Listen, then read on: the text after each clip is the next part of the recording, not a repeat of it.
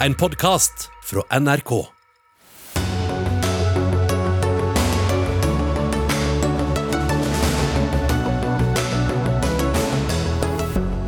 En rekke pride-arrangementer avlyses på politiets anbefaling. Skeive føler de behandles som annenrangs borgere, ifølge redaktør. Skytingen i Oslo har ikke noe med religion å gjøre, eller har den det? Statsminister Jonas Gahr Støre har tro på en rask løsning for svensk og finsk Nato-medlemskap. I ettermiddag starter Nato-toppmøtet i Madrid. Og stortingsdirektøren går av med umiddelbar virkning. Hvordan skal det hjelpe på Stortingets omdømmeproblem? Det er blant sakene vi skal diskutere denne nærmeste timen i Dagsnytt 18. Navnet mitt er Sigrid Solund. En del skeive mennesker sier at de ikke føler seg ivaretatt eller prioritert etter at pride-markering etter pride-markering avlyses og utsettes. Politiet skriver selv på Facebook at det skeive miljøet er en del av fiendebildet til ekstreme islamister, og at politiet derfor har anbefalt å inntil videre utsette pride-arrangementer i Oslo og andre steder i landet. I ettermiddag innrømmet både PST og Oslo-politiet at de ikke har vært tydelige nok i kommunikasjonen om særlig avlysningen av arrangementet på Rådhusplassen i Oslo i går. Og Politidirektør Benedicte Bjørnland, hva er det dere ikke har kommunisert godt nok? Nei, Jeg opplever vel at det er krevende eh, å formidle et trusselbilde som utvikler seg eh, egentlig hele tiden. Og hvor det kommer inn eh, ny informasjon både til Politiets sikkerhetstjeneste, men det kommer også ny informasjon gjennom etterforskningen fra Oslo politidistrikt. Og det er jo da etter en, en helhetsvurdering og etter vurdering fra i særdeleshet PST, som beskriver en ekstraordinær trusselsituasjon en uavklart trussel etter eh, det som antagelig har vært et gjennomført terrorangrep. Eh, og jeg har lyst til å, tilføye at eh, trusselnivået knyttet til terror og ekstrem islamisme, sånn som jeg har oppfattet det, har ligget på nivå tre. Moderat. Nå er det oppe på fem. Og det er i det, på det nivået at vi har funnet det riktig å anbefale at disse arrangementene som inkluderer skeive, avventes, utsettes. Ikke avlyses endelig, men vi håper at vi kan i løpet av noen dager stå i en annen situasjon hvor trusselen er mer avklart. Og fem er det høyeste nivået? bare for å fem er det høyeste ja. nivået. Men hvorfor anbefalte dere å utsette da, denne markeringa som skulle vært på rådhuset i går, samtidig som andre store arrangementer i, i eh, helga gikk som planlagt? Det er fordi at uh, det skeive miljøet LHBTQI pluss-miljøet er spesielt i fiendebildet til ekstreme islamister. Terrorangrepet som skjedde natt til lørdag, der har man i hvert fall en hovedhypotese om at dette var spesielt innrettet nettopp for å ramme det skeive miljøet. Og med det som bakgrunn så eh, tenker vi at vi må ta ekstra vare på nettopp det skeive miljøet eh, og det som favnes av pride. Men, og så skjønner jeg at det kan oppfattes fryktelig urettferdig, for det er andre store arrangementer som ikke handler om pride, som ikke handler om eh, LHBTQI pluss eller det skeive miljøet, og at det får lov til på en måte å gå uten at vi kommer med en sånn anbefaling. Men nå sier du eller Det vi hørte fra politiet, var jo at dette arrangementet ble mye større enn det man først hadde trodd, det som gjaldt Rådhusplassen eh, i går. Samtidig så sier du at trusselen er direkte knyttet inn til dette miljøet, og at det kommer ny informasjon. Hva var det som skjedde mellom at dette var et trygt arrangement, og at det ikke var et trygt arrangement. Det var en utvikling i eh, trusselbildet. og det var også... Man fikk ny informasjon om direkte trusler? Det kom hele tiden ny informasjon inn. Det gjør det hele tiden. Eh, og i dette dynamiske bildet så ble det etter hvert ganske tydelig at eh, det vil ikke være å anbefale at dette arrangementet som handler om pride, at det gjennomføres nå. Og så samlet man seg jo likevel, og, og Oslo-politiet gjorde en formidabel innsats innsats med å forsøke å trygge det. Eh, det var mye uniformert personell til stede, det var mye personell som ikke var eh, uniformert til stede. Så man gjorde absolutt det man kunne for at dette skulle bli en trygg og god samling likevel. Var det direkte trusler mot dette arrangementet? Nei, Det er ikke noe jeg har hørt noe om. Men det er eh, det skeive miljøet og pride som vi er ekstra opptatt av å ta vare på, faktisk. For vi oppfatter at de er spesielt utsatt nå. Det er jo mange som er oppskjørta og opprørte nå. Eirin Eikefjord, du er politisk redaktør i Bergens Tidende og skriver på en kommentar om dette. Hva mener du politiet kunne gjort annerledes? Problemet er jo at vi får veldig vage og ulne begrunnelser for avlysning av kjempeviktige arrangementer, som òg er en vesentlig del av forsamlingsfriheten og en grunnlovsfesta frihet i dette landet. Og Det betyr at politiet skal strekke seg veldig langt for å verne om den friheten vår. Og En ting som jeg finner underlig, er jo at det, det nå ikke er trygt å feire pride og frihet noe sted i dette landet, og det finner jeg lite troverdig. Og Det viser jo at de begrunnelsene som er tatt rundt omkring i landet, de er ikke konkrete. De, de er på en måte etter råd eh, fra Politidirektoratet. og bunne, Det er vanskelig å si at de skal bunne i veldig konkrete trusler. Altså Er det ikke trygt i Hardanger eller Haugesund eller Mo i Rana? Eh, så jeg tenker at man må kreve noe mer konkret. Og så er jo problemet Men hvor, konkrete kan de være da, når det er jo også mye informasjon mm. de kanskje ikke kan gå ut med? Ja, Det er jo problemet. fordi Det er helt umulig for oss å ettergå eh, hvilke beslutninger og hvilke begrunnelser som, som, ligger her, og hva de vet og, og hva de kan si. Og Det er jo eh, det er jo et problem, for det er veldig vanskelig å vite. Eh, men det, et annet eh, aspekt ved veldig tynne og, og litt sånn diffuse begrunnelser som da gjelder hele landet, eller som ikke bunner i hvert politidistrikt sine vurderinger av, av eh, konkrete situasjoner her og nå, er jo at det skaper frykt. Det, hva, hva, kan den skeive befolkningen foreta seg? Kan man gå på pub? Kan man heise flagg? Eh, det at man prøver kanskje å trygge befolkningen, gjør jo på den annen side at eh, redselen øker overalt. Bjørnan, ta dette først med, Er det faktisk utrygt i hele landet, så utrygt at alt må avlyses eller utsettes? PSTs trusselvurdering er ikke geografisk avgrenset. Så kan det hende at det kan komme nye vurderinger nå eh, i dagene som kommer, som gjør det lettere for oss å avgrense geografisk også tiltak. Men per nå så har vi ikke den informasjonen. Eh, så med utgangspunkt i vurderingen som ligger der, eh, og angrepet som skjedde for tre døgn siden, så er vår anbefaling slik den er.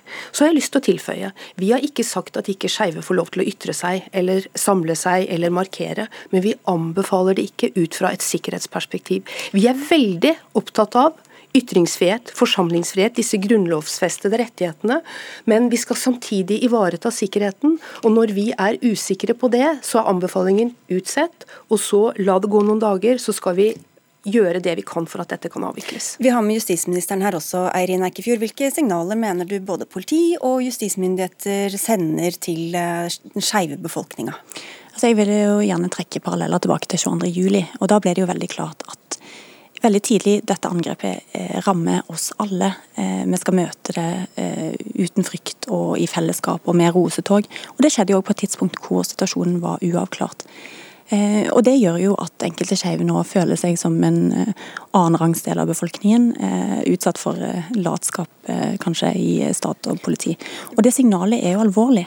Og dette er jo en frihetskamp som er alles frihetskamp. Og Det bør jo kanskje myndighetene signalisere i større grad. Vi skal få inn deg, også justis- og beredskapsminister Emilie Engevel. Hva sier du til det at det kan sende et signal om at noen er annenrangs borgere? Jeg forstår at det er uh, veldig frustrerende, fryktelig vondt, at mange er uh, sinte nå uh, pga. at vi står i en ekstraordinær og uoversiktlig trusselsituasjon, og at det nå rammer spesielt det skeive miljøet. Og Samtidig så har PST og politiet en kjempeviktig oppgave i å trygge befolkningen. Og det er også viktig og riktig at vi har beredskap, at vi har trusselvurderinger som gjør at man f.eks. kan Eh, vite at vi har en uoverklart uavklart trusselsituasjon, og dermed også gjøre vurderinger i politiet eh, hvilke tiltak som er nødvendige for at folk skal være sikre. Men det er mange som husker politiet som har beskytta meninger som oppleves som ganske ytterliggående, og så er det noen som bare vil møtes og feire friheten, og så får man ikke, eller blir man anbefalt å ikke gjøre det. Hvordan skal man lese det her, da? Ja, Det er derfor dette er så forferdelig vondt også. Fordi at den friheten som man ønsker å feire, den eh, retten til å være akkurat den man er, det er jo nettopp det som eh, blir ramma. Eh, men de blir ramma av at noen enkeltpersoner ønsker å utøve vold, ønsker å drepe, for å skade personer som f.eks. er skeive.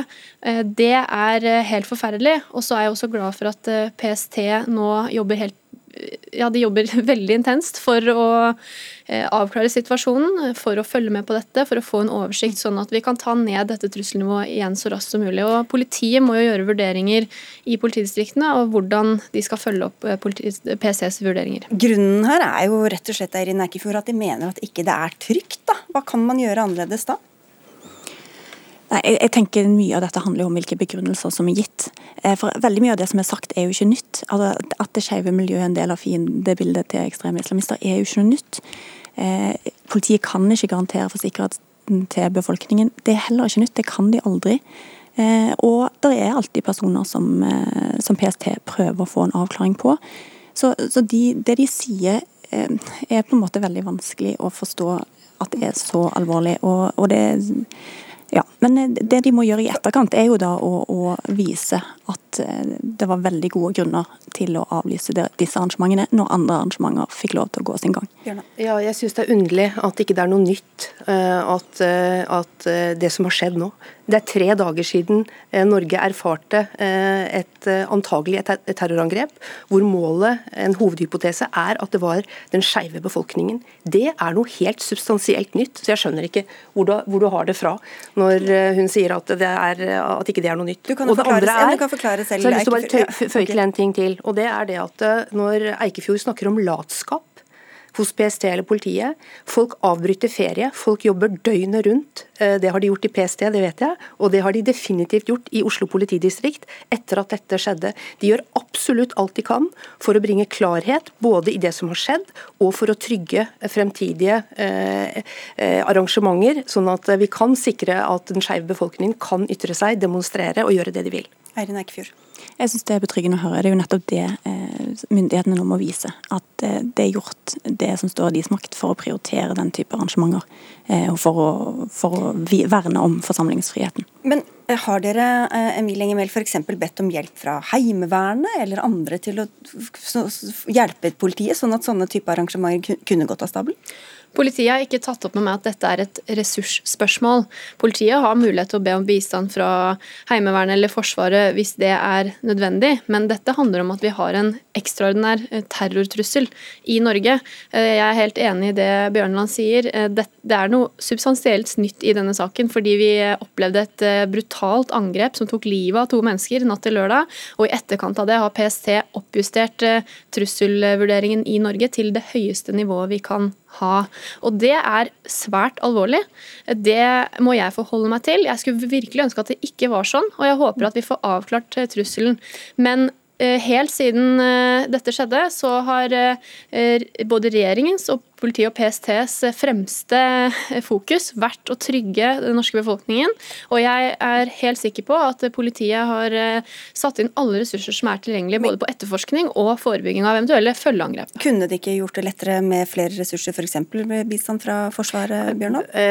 Bistand fra Forsvaret har ikke vært aktuelt i den situasjonen her. Og våpenkjennskap og uniform er ikke nok.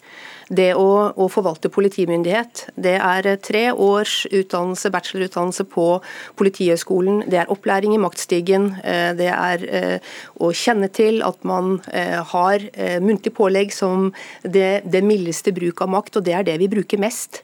Og våpen er siste utvei. Det er ikke bare å sette Forsvaret inn overfor norske borgere. Vi lever i et liberalt demokrati, og vi ønsker at sånn skal det forbli.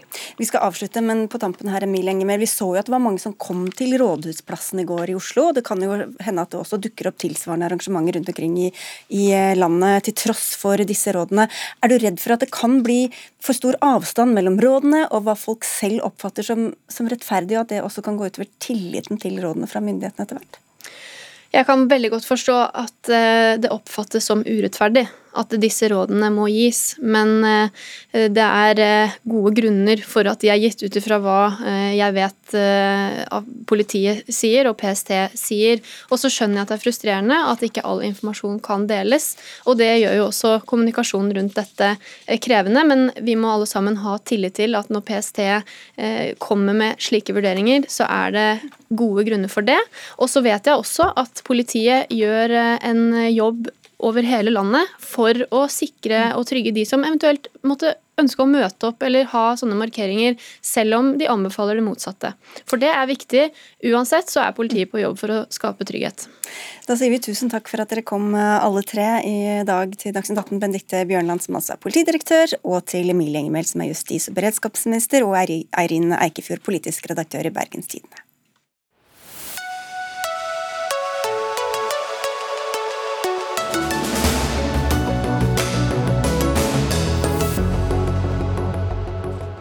Da skal vi snakke om den terrorsiktede Sanyar Matapour, som eh, vi fortsatt ikke kjenner motivet til. Eh, hvorfor han skjøt og drepte og forsøkte å drepe flere mennesker også natt til lørdag.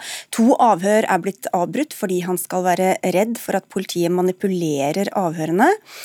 Jon Christian Elden, du er advokat og forsvareren til den eh, terrorsiktede. Jeg forstår det sånn at politiet har prøvd, eller spurt om han kan la seg avhøre på lydopptak og ikke video, stemmer det?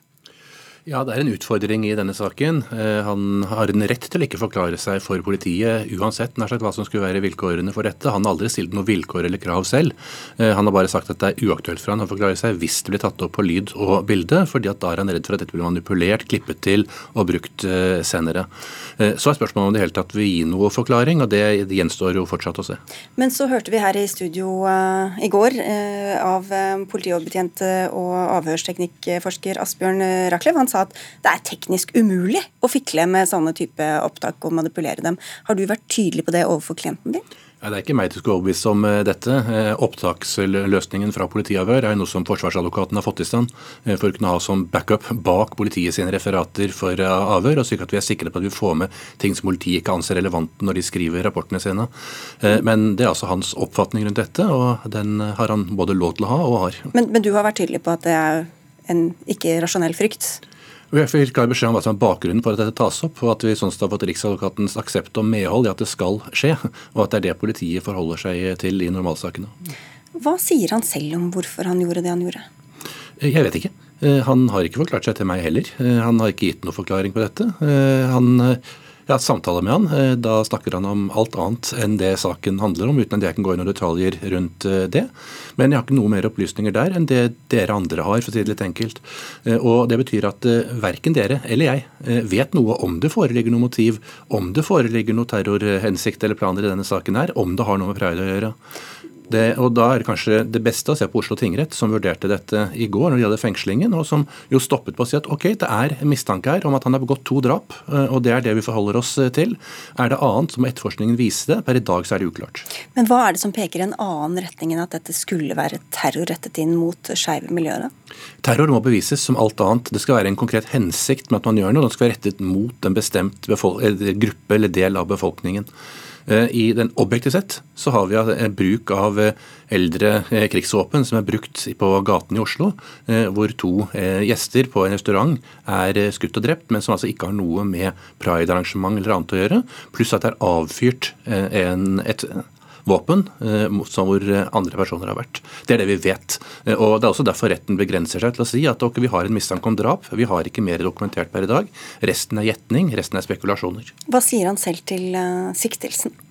Han har aldri spurt om hva han mener om siktelsen. Han fikk forelagt seg den på slutten av avhør nummer to, men uten noe spørsmål om han erkjente noe skyld på den, eller forholdt seg til den, eller mente noe om den. Hvordan virker han på deg? Jeg tror jeg skulle unnlatt å gi karakteristikker på dette stadiet. Dette hører etterforskning eh, og psykiatrien får vise dette selv. Ja, Hva mener du med psykiatrien? Eh, at det blir foretatt judisiell observasjon, det er en av mange muligheter i denne saken her. Eh, men jeg skal ikke spekulere verken opp eller ned i denne saken. Jeg konstaterer bare at per i dag så vet vi ikke annet enn at det er mistanke om to drap. Men Statsforvalteren i Oslo og Viken har opprettet tilsynssak og vil undersøke helsehjelpen som din klient har fått. Hva mer vet du om det? Eh, jeg kan skjønne det ut fra lest gamle rettsdokumenter, saksdokumenter osv. fra tidspunkter før jeg har ikke noe kjennskap til han. Eh, men det fremgår jo gjennom årene at det har vært en psykiatrisk problemstilling her. Eh, som det har vært ulike former for si, løsninger eller ikke-løsninger på, knyttet til både medisinering og diagnoser. Men sagt, jeg kjenner ikke til det. Det er foreløpig ikke gitt noe fritak for noe taushetsplikt omkring helseopplysninger. Og han mener seg selv at, å være frisk, så det er det vi har å forholde oss til. Men sagt, rettsdokumentene sier noe annet. Men du sier at, det, at vi vet ikke så mye, og så ramset opp hva vi vet, men så vet vi vel også at han har pleid kontakt med et ytterliggående islamistisk nettverk, og Arfan Bhatti, som har vært sentral i det norske ekstremistmiljøet. Ja, Det vi vet om det, ifølge saksdokumentene, er at han en gang i 2015 var nabo med Bhatti. Og så vet vi at han en gang i 2022 er observert i en bil sammen, ifølge PST i hvert fall. Eh, men jeg har litt problemer med å se hvor langt man skal strekke det. Eh, og han har i hvert fall aldri vært på radaren eller vært noen person som har vært aktiv i noen av disse Eh, si, ekstremistiske arrangementene eh, som har gått i Oslo de siste fem-ti årene. Eh, så det er litt vanskelig å se hvorfor PST nå, etter at uhellet har skjedd, eller etter at, unnskyld, ikke uhellet, etter at drapene har skjedd, går ut og sier at han er en del av et slikt nettverk, når de ikke har hatt noen opplysning om det i forkant, og heller ikke gjort noe for å stoppe han eller si fra om det. Nå er jo denne terrortrusselen veldig høy, også fordi de sier at det er andre mennesker som kan ha tilsvarende hensikter. Kjenner du til hvem det kan være? Eh, nei, det gjør strengt tatt ikke, men det er jo også en annen effekt i dette. her, og det er at Når det blir eh, haustet opp og omtalt på den måten det gjør, så vil det kunne ha en smitteeffekt i seg selv, helt uavhengig av han som nå er siktet, og hva som måtte være hans motivasjon. Så det er klart at Jeg skjønner at eh, PST, som skal beskytte oss, er forsiktige og sier at man skal ha, være i beredskap, uten at det er knyttet til den konkrete straffesaken. For det er altså ingenting i den konkrete straffesaken som gir grunnlag for den frykt som PST nå redegjør for eh, gjennom sine advarsler. Har du andre klienter som sies å tilhøre dette miljøet? Ja, mange klienter i et miljø eh, som kan sies å være islamistisk ekstremt, i likhet med i høyreekstreme miljøer og ganske vanlige folk. Eh, men ikke som ifølge saken er involvert i denne saken. Og når skal du snakke med din, denne klienten din igjen? Ja, Det gjør vi jo fortløpende, se om det er noe nytt å bringe i så måte. Takk skal du ha for at du kom, advokat Jon Christian Ellen, til Dagsnytt 18.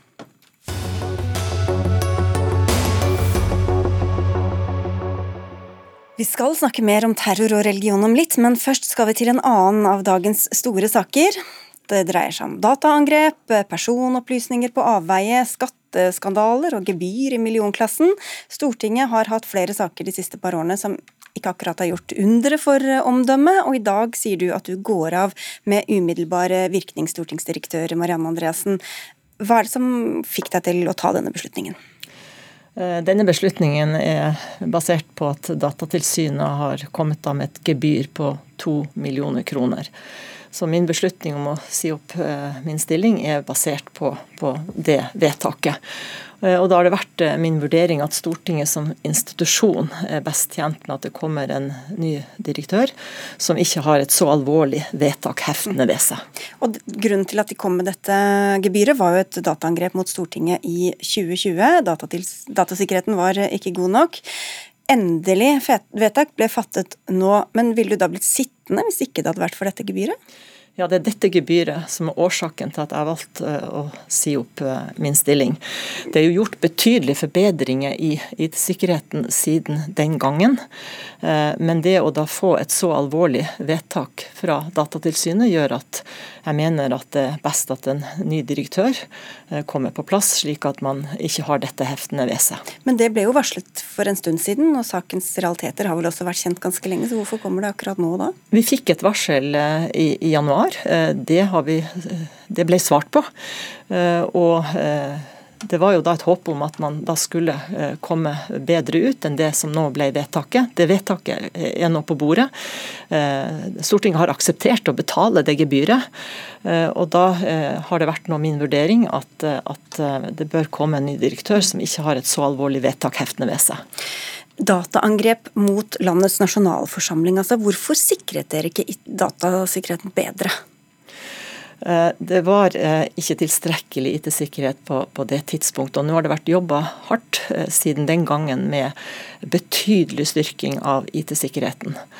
Eh, så vil jeg jo også si det at eh, vi står jo i et stadig mer krevende trusselbilde som gjør at jeg tror alle virksomheter eh, må stadig nå gjøre forbedringer knyttet til IT-sikkerhet, tufta på det, det, krevende trusselbildet. Men, men, det ble sagt fra Datatilsynet at dere har vært grovt uaktsomme, og også etter, altså året etter, i fjor høst, så kom det jo nye dataangrep mot Stortinget. Så hvor alvorlig tok dere da denne første saken? Eh, det har vært jobba veldig hardt med å forbedre IT-sikkerheten. og Det andre IT-angrepet var jo da knytta til sårbarheter i Microsoft sine systemer. Så det er jo en helt annen sak. Jeg tror det er veldig viktig at vi nå forholder oss til den saken som var i 2020, og, og erkjenner jo da at, at uh, IT-sikkerheten kunne vært bedre på det tidspunktet. Og vi er nå et helt annet sted i dag når det gjelder IT-sikkerhet på Stortinget. Men det har vært andre saker også. Det er jo saker om pendlerboliger. Eh, stortingsrepresentanter som har fått råd som, fra Stortinget som skatteetaten sier er feil. Hvordan har disse sakene spilt inn på din beslutning? Det er Datatilsynets vedtak som eh, min beslutning er basert på. Eh, så må jeg jo innrømme at det har jo vært en stor tilleggsbelastning eh, med alle de sakene som vi har stått oppe i det siste året, med et vedvarende negativ oppmerksomhet på representantene sine ordninger. Også Stortingets administrasjon sin forvaltning av ordningene. Så det er jo en tilleggsbelastning som, som gjør at, at det kan være fint at det kommer en en ny person inn. Men det er Datatilsynets vedtak som er årsaken til at jeg har sagt opp min stilling. Men hvorfor regnet du det som så mye mer alvorlig enn disse skattesakene? Det er satt i gang veldig gode prosesser, og jeg var veldig motivert eh, for å eh, bidra og ta mitt ansvar inn i den ryddejobben som Stortinget står foran. Eh, og alle de gode prosessene som nå foregår, eh, eh, og som det da jobbes inni, i, hadde jeg da i utgangspunktet lyst til å være med på. Så fikk vi dette vedtaket fra Datatilsynet, og da har jeg gjort min vurdering basert på det. Men det er klart det har vært en tilleggsbelastning som, har vært, vært over lang tid. Altså du orker ikke mer? Jeg var veldig motivert. Eh, jeg var egentlig veldig motivert nå for å ta en lang ferie, og så gyve løs på nytt eh, inn i alle de utfordringene som, som lå på det området. Eh, nå ble det ikke slik pga. dette vedtaket fra Datatilsynet. Men Hvor heldig er det da, midt i en sånn stor prosess, at en så viktig nøkkelperson forsvinner? Eh, det er jo selvfølgelig hele veien vanskelige vurderinger når man velger å, å, si opp eh, sin stilling på denne måten. Men når man da får et eh, vedtak fra Datatilsynet, som du selv var innom, det er mm. snakk om to millioner kroner og grovt uaktsomt, så har jeg gjort den vurderingen at det er best med at man får en, en, en, en ny direktør. Og Før du tiltrådte, så var det en annen stor skandale, byggeskandale på Stortinget. Hvordan skal folk ha tillit til at det er orden og kontroll på Stortinget? Eh, det er et fantastisk sted å få lov å jobbe. Eh, det å få lov å jobbe for våre folkevalgte som gjør en utrolig stor innsats. Dyktige, dedikerte medarbeidere. Eh, sånn at det som man står foran er jo selvfølgelig en viktig jobb, ryddejobb. Det foregår nå i strukturerte prosesser. Og jeg er helt sikker på helt sikker på at Stortinget kommer styrka ut av det de nå står oppe i. Marianne Andresen, takk skal du ha. Thank you.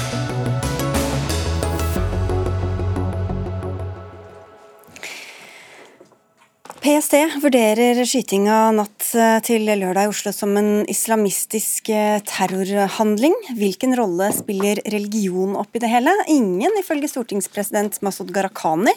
Men selvfølgelig kan det handle om religion, skriver du i en kronikk i Aftenposten Ola Svenneby, du er leder i Unge Høyre. Hva mener du kan være religionens rolle oppi disse grusomhetene? Jeg tror Er det én ting som veldig mange skeive har følt på, så er det, er det et sted som hat kan komme fra så er det fra religiøse miljøer. Og um, det er klart I verden i dag for eksempel, så har vi ti land, ti muslimske land som har dødsstraff for homofili. Og flere av dem henretter også særlig homofile menn. Og det er klart Når vi har land som henretter homofile menn basert på religion, så kan også det å løsne skudd i Oslo eh, rettet mot seksuelle minoriteter, minoriteter selvfølgelig også ha et grunnlag i religion. Jamal Sjeik, du driver Instagram-kontoen Rasisme i Norge. Du sier Svenneby tar feil. Hvor er det han tar feil? Jeg mener at dette er en enkeltmanns handlinger. Uh, og jeg deler noen av perspektivene han har i forhold til at det finnes holdninger der ute som ikke er uh, eh, innafor. Det finnes en del holdninger som jeg tror vi som et samfunn må jobbe imot. Men denne hendelsen er 100% knyttet til en enkeltperson og ikke en religion. Mm. Men hvordan kan religionen løsrives helt fra handlinger som begrunnes religiøst? Uten at vi vet nøyaktig hva som er tilfellet i, i, denne saken. da. Mm. Um, ved å gå ut sterkt og ta avstand. 100% Det er noe av det viktigste. Uh, vise solidaritet. Mobilisere innad i miljøet. Snakke litt om uh, snakke litt om liksom både fordommene, fordommene, som finnes i det miljøet, og også hva vi, hva vi støtter opp under. Men sier det ikke noe om religion at man kan bruke den til å begrunne sånne type angrep som vi har sett? Dessverre så har man jo sett over tid at uh, flere knytter seg til enten en religion eller en, en viss ideologi uh, på bakgrunn av en handling. ikke sant? Og Dette har skjedd flere ganger, uh, dessverre. Og jeg tror veldig mange norske muslimer føler seg litt på måte satt på skolebenken igjen knyttet til den hendelsen her, fordi de føler at de må svare for seg for hver gang det er noen med en muslimsk bakgrunn, da, uten at vi helt vet det heller. Jeg vil gjerne adressere det jeg har sett flere har skrevet, som er at dette er en enkeltmannshendelse. Hvis man hadde tatt det som utgangspunkt i de terroraksjonene vi hadde hatt i Norge, så hadde vi ikke trengt å diskutere 22.07. etter at Anders Behring Breivik ble dømt i retten. Vi hadde ikke trengt å diskutere Philip Manshaus, Philip Manshaus etter at han ble eh, drept i retten. Terrorisme det oppstår ikke et vakuum. Det er ingen som våkner opp en dag og plutselig finner ut at de har lyst til å eller i hvert fall de aller aller færreste, finner ut at de har lyst til å ta livet av noen. Men Da, da snakker man jo om ideologier, da. Og det hatet og den religionen, eh, nei, det hatet og den ideologien den kommer fra et sted. Og selvfølgelig kan den også komme fra religion. Og Det betyr ikke at dette landets muslimer har et annet ansvar. Det har de ikke. Og Vi skal også slå ring om dem, for det er helt åpenbart at denne type tilfeller kan skape et større muslimhat. Det kan det. Men det betyr eh, likevel at man skal eh, At jeg forventer mer av f.eks. Islamsk Råd Norge enn at de bare sier at de tar avstand. Eh, og så sier de at de er mot homohat. Jeg forventer at de deltar i debatter om hvordan de omtaler homofile, hvordan moskeene deres eh, behandler homofile, og hvordan de kan skape grobunn for også andre eh, ekstremister. Vi hadde en liten runde om dette i går også, men vi kan jo ta tak i dette med, med religion også, ikke bare de religiøse lederne. Hadia Tajik, du sitter på Stortinget for Arbeiderpartiet og har skrevet en kronikk i VG som støter inn på noe av de samme temaene her. Men bare for å høre, er du enig med din partifelle Gharahkhani, som jeg siterte, om at dette ikke har noe med religion å gjøre? Altså jeg vet at uh, Masud Gharahkhani har et mer nyansert syn på det enn uh, det sitatet tilsier. Altså Senest i går så var han ute i NRK og var veldig tydelig på at uh, man må ta et oppgjør med hat i flere miljøer. og Han er tydelig på at det gjelder ikke minst i kjerker, men òg i moskeer. At religiøse ledere har et helt spesielt ansvar. Og Det er jeg helt enig med han i. fordi religiøs ekstremisme begrunnes med religion, og da handler det òg om religion.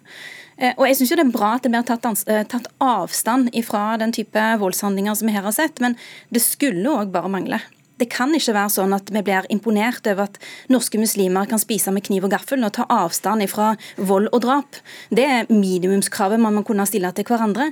Jeg mener at det er på tide at vi nå klarer å ta neste skritt, nemlig å snakke om holdninger til skeive i muslimske miljøer. Mm. Sønneby, det er jo også mange ugjerninger som er begått i kristendommens mm. navn og i mange andre religioners navn, men mener du er, står, står islam i dag i en særstilling når det gjelder hva som avler mest vold? Jeg tror det står i en særstilling i uh, hvordan det er å være skeiv. Uh, og det har vi tall på også når man ser på, på holdninger til skeive i eget miljø, i andres miljøer.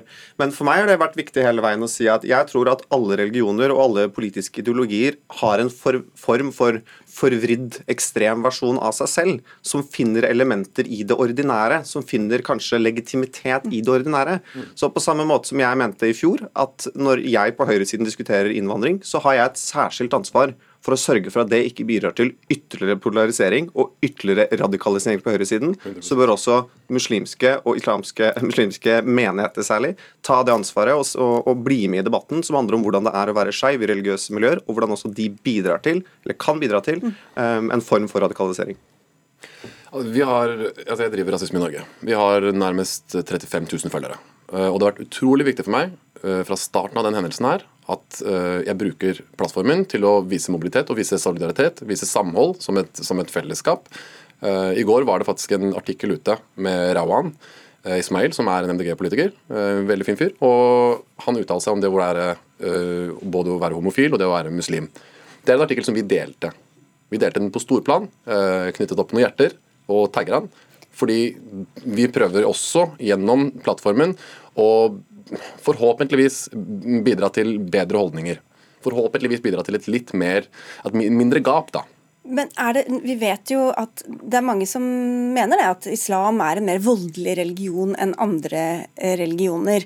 Er det etter ditt syn, Hadia Tajik, det blir jo litt synsing det her, da, eh, et så strengt skille mellom ekstrem islamisme og ordinær islam, eller er det liksom glidende overganger her på en annen måte enn f.eks. i kristendommen? Altså Ingen holdninger eh, oppstår i et tomrom. altså Det mm. oppstår i et miljø. Eh, og Her mener jeg at Den norske kirke har gjort noe veldig viktig i år. Der eh, biskopene sammen gikk ut og sa veldig tydelig at de anerkjenner at kirka har påført homofile og lesbiske stor skade og smerte. Og så har òg en tidligere prest i Høyanger ganske nylig nå etter de voldelige hendelsene nå denne helgen gått ut og beklaga sine egne tidligere holdninger overfor homofile og lesbiske. Den type diskusjoner trenger vi òg i muslimske miljøer. Vi trenger en ærlig samtale om hvordan skeive blir dehumanisert eh, av mange muslimer. Eh, hvordan store deler av islamsk teologi aksepterer dødsstraff for eh, homofile. Og hvordan muslimer som har autoritet internt, bruker den autoriteten til å forme holdninger i sitt eget miljø. Og Det er samtaler som vi ønsker å se mye mer av, både i norsk offentlighet og internt i de muslimske miljøene. Hvorfor er det så vanskelig å ha konstruktive debatter om disse sakene, Sjeik?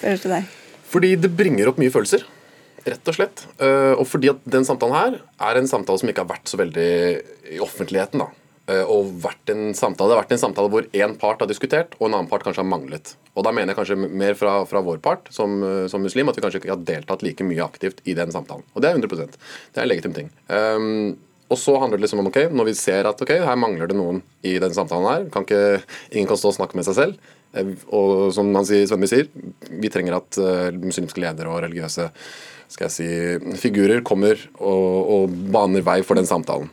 Og Det er utrolig viktig. Hvordan det gjøres, det må de finne ut av. Eh, men det jeg vet er at det er veldig mye følelser i lufta. Jeg tror mange føler seg både angrepet, eh, føler at eh, samtalen blir unyansert når man knytter ekstrem islamistisk terror og norske muslimer.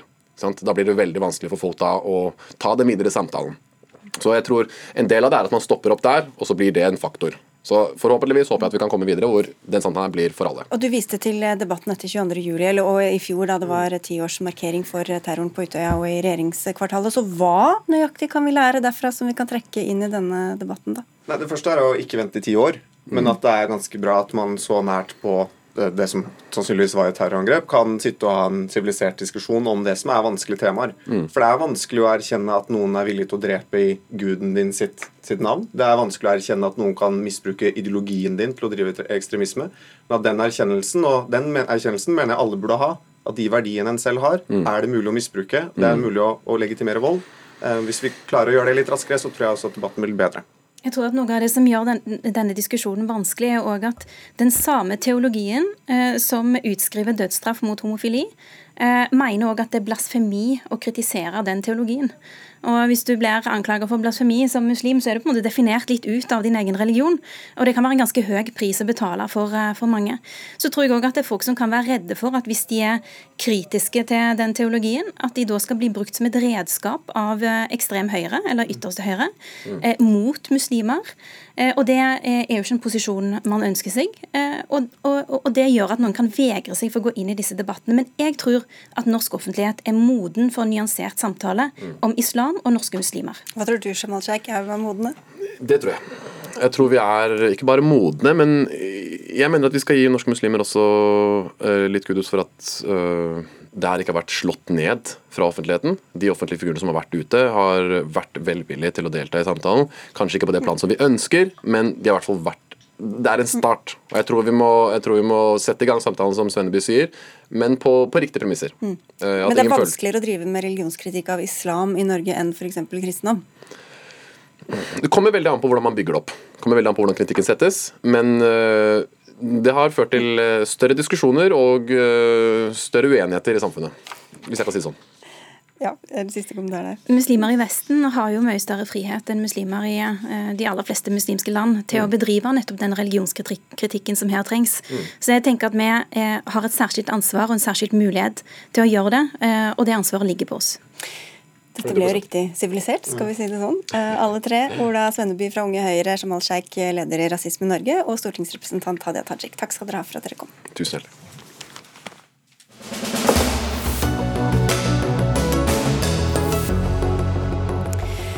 Samme dag som det ble slutt på streiken blant flyteknikerne, kan det bli ny storstreik i luftfarten. I natt blir det kjent om 900 flyvere i SAS, SAS som det heter nå, ja, går ut i streik. Foreløpig sitter de og forhandler. Og Peter Svaar, du står utenfor kontorene til SAS i Stockholm. Hva er det flygerne krever, og hva er det SAS svarer? Ja, Det som jo gjør denne konflikten krevende, er jo at eh, flygerne fremstiller dette som en konflikt om eh, hele den nordiske arbeidslivsmodellen. Flygerne sier at eh, de ikke vil akseptere måten SAS har skapt nye datterselskaper, disse selskapene som heter Link og Connect, og hvor en del flygere eller piloter har fått tilbud om jobb på andre betingelser enn de hadde i morselskapet før pandemien. Det er jo om lag 500 piloter som mistet jobben i SAS i koronaårene, og som eh, nå eh, noen ønsker, eh, som mange da ønsker jobben tilbake, men hvor de da blir tilbudt jobb i, i nye selskaper og på lavere betingelser enn før. Og Dette mener pilotene er å organisere seg bort fra tariffavtalene og fra tariffsystemet, og, og, sier at dette er vanskelig å akseptere. Og Så, jo, så sier SAS at dette er, er, jo å gi en slags eh, vetorett til de ansatte på eh, struktureringen, organiseringen av selskapet, og det er det vanskelig for dem å akseptere. Og Så er det jo en del andre spørsmål også i denne meglingen. Det gjelder lønn, det gjelder eh, pensjon og andre ting, men det er klart at dette organisatoriske spørsmålet det er kanskje blant de som er vanskeligst, og hvor man rett og slett ser eh, dette på veldig forskjellige måter, og det ikke kan løses bare med penger. Det kan jo få veldig store konsekvenser for alle som skal ut og reise. 76% av SAS-avgangene fra Gardermoen blir antagelig innstilt i morgen hvis det blir eh, streik. Litt kort eh, på tampen her, Peter Svaar. Hva sier SAS at kundene skal gjøre hvis de har planer om å fly de nærmeste dagene og ukene? Ja, her i Stockholm så sier SAS-ledelsen at det er om lag halvparten av, flyet, av selskapets totale avganger som kan bli berørt dersom det blir en streik. Men det er klart at dette vil jo få store konsekvenser midt inn i sommerproduksjonen til eh, SAS. Det som normalt er den mest lønnsomme perioden for flyselskaper, og etter to år med eh, koronanedstengning. Så hvis det nå blir en streik, så vil konsekvensene selvfølgelig bli store. Både for passasjerene, også for flyselskapet. Analytikere anslår at kostnaden for SAS kan komme opp i 80-100 millioner kroner per dag. Eh, og Det er før man har tatt med i beregningen e, såkalte EU-kompensasjoner, eller eh, passasjerkompensasjoner, som eh, nesten kan komme opp i det samme beløpet. Så dette kan bli veldig kostbart for SAS, ingen tvil om det. Takk skal du ha, reporter Peter Svår. Og det er jo et selskap i dyp økonomisk krise som kan få disse kostnadene, og som nå sitter og forhandler. Den norske staten solgte seg som kjent ut av SAS for noen år siden, men under pandemien lånte myndighetene ut 1,5 milliarder milliarder kroner til selskapet. Nå i dag kom nyheten om at regjeringen vurderer å gjøre om denne gjelden til aksjer, gitt visse betingelser. Og Frode Steen, du er professor i samfunnsøkonomi ved Norges handelshøyskole. Hva er de betingelsene? I prinsippet så ønsker de jo at uh, denne sparepakken skal gjennomføres. Men uh, det er jo spørsmål om vi har så veldig mye valg all den tid at vi allerede har betalt disse pengene og SAS videre skjebne er jo relativt uklar. Den danske og den svenske staten de eh, ble værende som eh, hovedeiere da Norge trakk seg ut. Men hvordan løser landet dette ulikt nå i den økonomiske krisen selskapet står i? Nei, Det er jo interessant. Eh, og det er interessant at det kom i dag. På en måte er det rart at aksjeverdien gikk opp i dag. fordi at Den beskjeden som egentlig kom i dag, var ikke at vi skulle gjøre om lån til aksjer. Det tror jeg var på en måte lå i kortene hele tiden men at vi ikke kommer inn med ekstra og nye penger. Og Det har jo svenskene gjort òg. Mens danskene har vært de eneste som har sagt altså at de er villige til å komme med penger på bordet. De har jo òg noen tanker om det. Eh, jeg vil jo tro at ikke de legger disse pengene på bordet uansett. Men det er klart at det blir ikke lettere for danskene når de to andre landene nå sier nei. Men hvorfor vurderer danskene dette annerledes, eh, tror du? Rett og slett fordi de har en helt annen sits. De sitter med Kastrup, største arbeidsplassen i København. Og eneste grunn til at Kastrup er så stor, er at SAS har presset nettet sitt gjennom Kastrup. Hvis SAS ikke finnes, så vil vi antageligvis se at Stockholm og Oslo får mye mer trafikk. Og Dermed så eh, har danskene et helt annet ønske, selv, selv sammenlignet med svenskene, å ivareta SAS. Nå sitter de altså og forhandler. Hvordan kan denne økonomiske situasjonen påvirke forhandlingene, og kanskje også motsatt? Jeg tenker nok at meldingen fra Vestre i dag uh, gjør det på sett og vis mindre sannsynlig med streik. For det, det betyr at selskapet har enda større utfordringer ved en streik. Og det tror jeg nok pilotene skjønner. Men uh, det som ble sagt her, det er veldig mange fasetter i denne forhandlingen. Og det er klart at SAS har det, det grepet de gjør med restrukturering av selskapet med ulike underselskap osv det er noe som andre store nettverksselskap gjør òg. Sånn at eh, hvis de skal gi fra seg den muligheten til pilotene, og la seg bli styrt av pilotene på det, så har de ikke fått til denne spareplanen sin.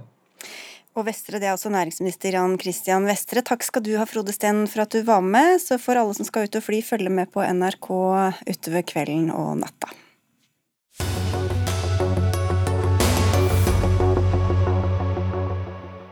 Da skal, da skal Dagsnytt 18 til Madrid, der Nato-toppmøtet starter i dag. Natos generalsekretær Jens Stoltenberg har allerede i ettermiddag invitert til et møte mellom eh, Sverige og Finland, som ønsker å bli medlem, og Tyrkia, etter at Tyrkias president Erdogan tråkket på bremsen for at disse to landene raskt og smertefritt kunne bli medlem av alliansen. Men europakorrespondent Simen Ekern, du er i Madrid. Det er jo også samtaler om større land som dominerer dette toppmøtet?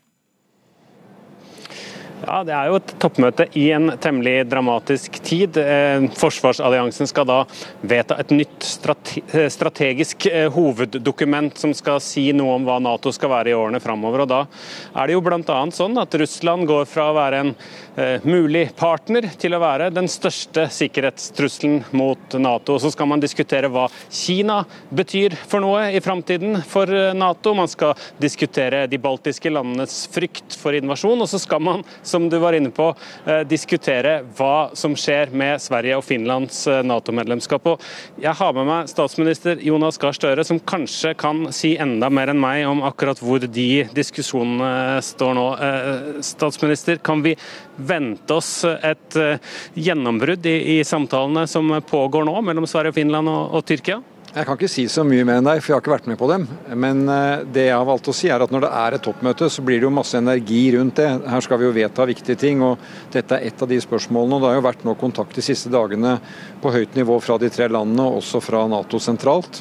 Så forutsetningene for å kunne jobbe gjennom de spørsmålene som Tyrkia har stilt, svare ut slik Sverige og Finland gjør, forsøke å finne en enighet, de mener jeg er der. Men eh, klok av tidligere erfaring, så er ikke dette på plass før det er på plass. og Det må vi bare avvente og se. Vi får vel vite det når vi nærmer oss åpningen i morgen.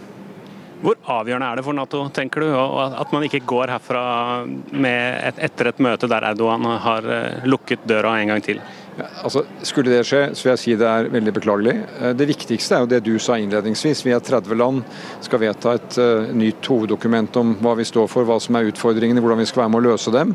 Hva konsekvensen er av denne forferdelige krigen som skjer tett på Nato. De landene som er urolige for det. Hvordan Norge skal løse sine oppgaver i nordområdene med å sikre lav spenning og orden der. Det er jo de store temaene. Så er dette med Sverige og Finland blitt viktig. Det er to land som er våre naboer fullt ut oppfyller kravene om å bli medlem i Nato. og Da bør det være det som skal til for at de får grønt lys. Og så har jo Tyrkia eh, rett til å ta opp sine sikkerhetsbekymringer, men dette mener jeg er spørsmål som kan løses i samtaler, og håper det også blir utfallet. Men vi vet ikke før vi har vært gjennom møtet.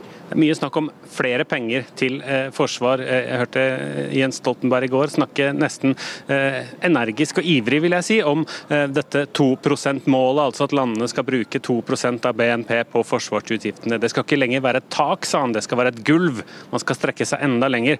Men helt der er ikke du og Norge. Vi tok over i oktober i fjor, og da hadde vi en, lå det en langtidsplan der som sikter mot dette 2 %-målet i 2028. Eh, vi har bevilget mer til Forsvaret i vårt første budsjett. Vi bevilget 3 milliarder mer til at vi, milliarder mer til at vi kan seile mer, fly mer, følge med mer i nord. Eh, og vi har som mål å nå det 2 %-målet eh, i denne regjeringen. Så har Norge en økonomi som nå har veldig, hatt veldig sterk vekst. Og da faller det tallet i Norge. Etter våre tall så ligger vi på sånn 1,85 eller noe sånt nå. Men, men vi står ved det målet. og Så er det også sånn at Kvaliteten på det norske forsvaret gjør at vi investerer mye. Der er det et mål at man skal investere 20 av, eh, av budsjettet sitt. Vi er på 30 og har sånn sett et veldig moderne forsvar som vi kan bruke nære oss, men også bidra til eh, andre land, slik vi nå gjør i, i Litauen f.eks. Tusen takk skal du ha. Da får vi se om det holder for de andre landene når eh, budsjett og penger skal diskuteres eh, som et av de mange punktene på, på møtet, som starter i, i, kveld og fortsetter et par dager videre. Og du henger på, Simen Ekern. Takk skal du ha for at du var med. Da går vi til deg, Janne Haaland, Haaland Matlari. Du er professor i internasjonal politikk ved Universitetet i Oslo. Hvis vi tar dette første først med Tyrkia og Finland og Sverige, hva slags manøvreringer er det Jens Stoltenberg må prøve på her? Ja, Her er det jo eh, veldig mange ting som kan spilles inn. da. Amerikanerne kan jo legge press på eh, tyrkerne, og det vil de jo gjøre på et eller annet tidspunkt hvis man ikke finner en løsning. Og amerikanerne har jo eh, ting som tyrkerne vil ha. det kan dreie seg om materiellkjøp, kan dreie seg om en rekke ting som Tyrkia er interessert i. Men man vil jo prøve å få en løsning med de to landene da, og Tyrkia direkte, men med Natos uh, generalsekretær som hjelper til. Det er jo grenser for det Finland og Sverige kan gjøre. De kan ikke utlevere folk som har fått politisk asyl, selvsagt. Da ville man ikke lenger levd i en rettsstat. Men de kan jo eh, finne alternativer, vil jeg tro. fordi dette er jo en eh, forhandling Erdogan har satt i gang for å få makset ut fordeler for seg selv og Tyrkia, også på hjemmebane. Eh, så han vil jo ønske å få et resultat. Han vil ikke ønske å si nei, dette var umulig, for det er det ikke. Men... Så jeg tenker, er de med, Kommer de med nå, så er det flott. Og må man vente litt, så kommer det likevel til å skje. Da, etter krigsutbruddet så sa jo Jens Stoltenberg at det var ingen land som ville få så rask tilgang til eh, Nato som Sverige og, og Finland. Eh, kom det så overraskende på denne holdningen fra Tyrkia? Nei, dette er jo en, altså Tyrkia har jo vært uh, enfant terrible, som vi sier i Nato, i mange mange år. Og Tyrkia har jo også et veldig dårlig forhold til EU, selv om de er gjensidig avhengig av hverandre i migrasjonsspørsmål. Så Tyrkia har, uh, har en populistisk uh, president, og de har jo en, de har jo altså på en måte interesser som nesten ingen andre Nato-land har. Eh, og de er, Det er nødvendig at de er med, det er bedre å ha dem med enn å ikke ha dem med. Slik at um, Her kan uh, denne spilleren som Erdogan er, han kan bruke veldig mange anledninger til å makse på misnøye. da. Men som regel så ender det jo med en eller annen løsning hvor han får mye av det han har bedt om. Han får iallfall mer enn om han ikke hadde bedt om noe. Så det, det er en forståelig logikk, dette. da. Og så skal de altså komme fram til et nytt strategisk dokument. Russland har gått fra å være, om ikke venn, så i hvert fall en partner, til å bli en fiende. Man skal få ny politikk overfor Kina. Hva, hva tror du Nato kan komme fram til overfor disse to landene? Ja, Det vil bli en skjerpet uh, tone da i forholdet til Kina. Selv om Kina ligger langt fra Natos område, så er det jo en konflikt uh, med et, uh, om Sør-Kina-havet, eventuelt Taiwan, som er veldig alvorlig. og Kina ruster opp. Slik at konfrontasjon, men ikke militær, med Kina blir jo mer kanskje stikkordet enn samarbeid fremover. Og så vil jo Russland Russland har jo nå plassert seg som, eh, som et land som driver imperiebygging, og som invaderer et naboland på, på konvensjonelt, gammeldags, eh, omfattende vis. Så Russland har jo selv valgt en ny rolle i forhold til Nato. Og Dette vil dimensjonere Natos arbeid i dette strategiske, altså strategien i Nato. Så det vil, det vil, Hvis jeg skal si det veldig enkelt, så vil jeg si at uh, fra nå av så vil det være umulig å, å ha et svakt eh, forsvar i Øst-Europa, i naboland til Russland. Det vil være helt nødvendig å ha mye mer tropper der og mye mer evne til å slå Russland konvensjonelt skulle det bli nødvendig.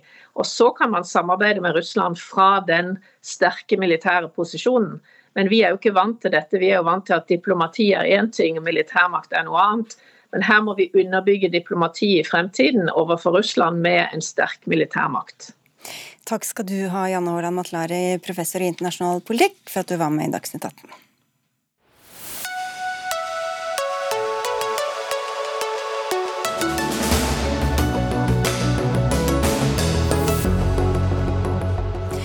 En liten avis, men med en trofast leserskare, er i hardt vær. Den kristenkonservative bergensbaserte avisa Norge i dag er preget av en bitter konflikt, som kan få en ny utvikling på avisas generalforsamling i morgen. Vi skal komme til den snart, men først Emil André Gjerstad, du har skrevet om denne avisa i Vårt Land altså en konkurrerende avis, da, der du er kommentator. For de som ikke er blant de 11 000 abonnentene, hva slags avis er Norge i dag? Norge i dag er en veldig konservativ kristen avis, helt i ytterkanten av det norske medielandskapet. Eh, basert i Bergen. Starta opp i 1999 av Finn Jarle Sele, som da måtte gå av som sjefredaktør for Dagen. og Avisa har på en måte vært en konkurrent til Dagen, mer enn til Vårt Land, kanskje, eh, de siste årene. Og er òg i en symbiose sammen med ting som Oslo Symposium, som folk kjenner til, eh, TV Visjon Norge. Så det er i den samme liksom Eh, delen av Kristen-Norge, helt ytterst eh, på høyrekanten. Og Hva er det denne konflikten går ut på, som nå preger avisa? Det er jo egentlig, altså det ble sagt av Finn Jarle Sele, da, som har vært sjefredaktør siden 1999, og som har bygd opp avisa at det er en åndskamp. og Det er jo veldig klassisk eh, Norge i dag-språk, og et språk som blir brukt i denne delen av Kristen-Norge. Eh, men det er nok det mange av oss andre vil kalle en maktkamp mm. eh, mellom eh, Sele, som er, på en måte, er avisas sjel og har, eh, har et sterkt eierskap til den. Og hans kronprins, eh, Bjarte Ystebø, som i, eh, har vært med siden starten, og som har vært høyre hånd og den naturlige avtakeren, og som lenge nok har venta på å få ta over avisa og få bygge sin profil.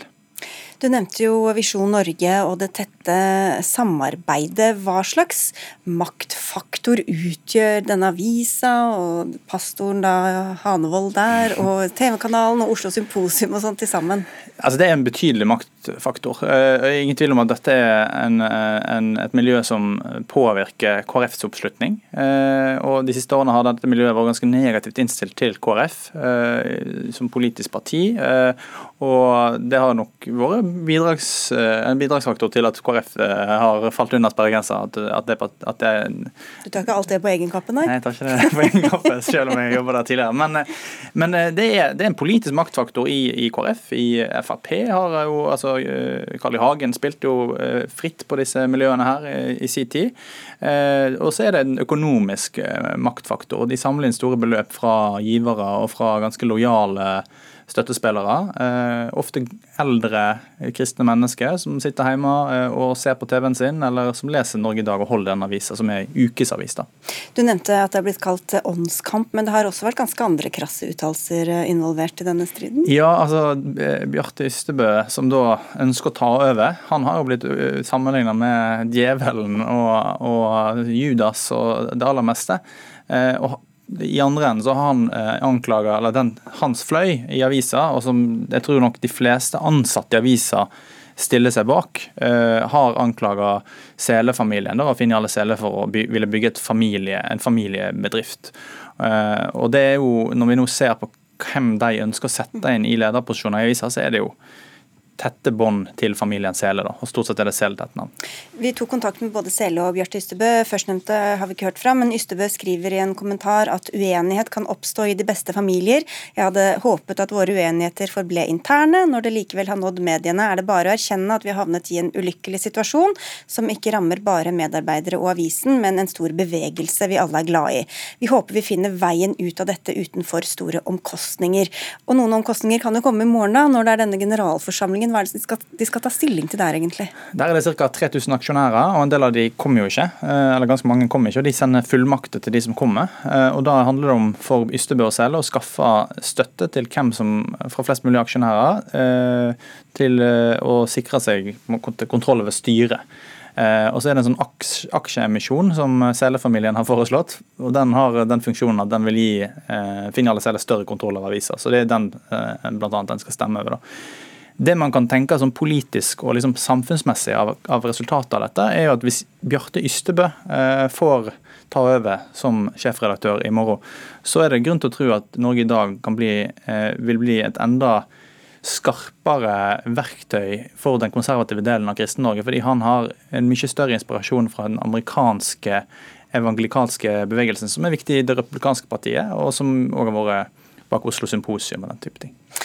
Dere følger med i Vårt Land eh, på hva som skjer i morgen. Kanskje vi følger med her òg, hvem vet. Takk skal du ha for at du kom med, Emil André Erstad. Dagsnytt 18 er ved veis ende for eh, i dag. Det var Gro Arneberg som hadde ansvaret for innholdet i eh, sendinga.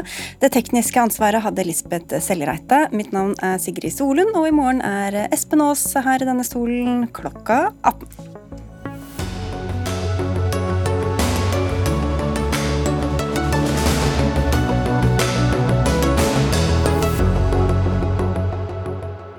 Du har hørt en podkast fra NRK. Hør flere podkaster og din favorittkanal i appen NRK Radio.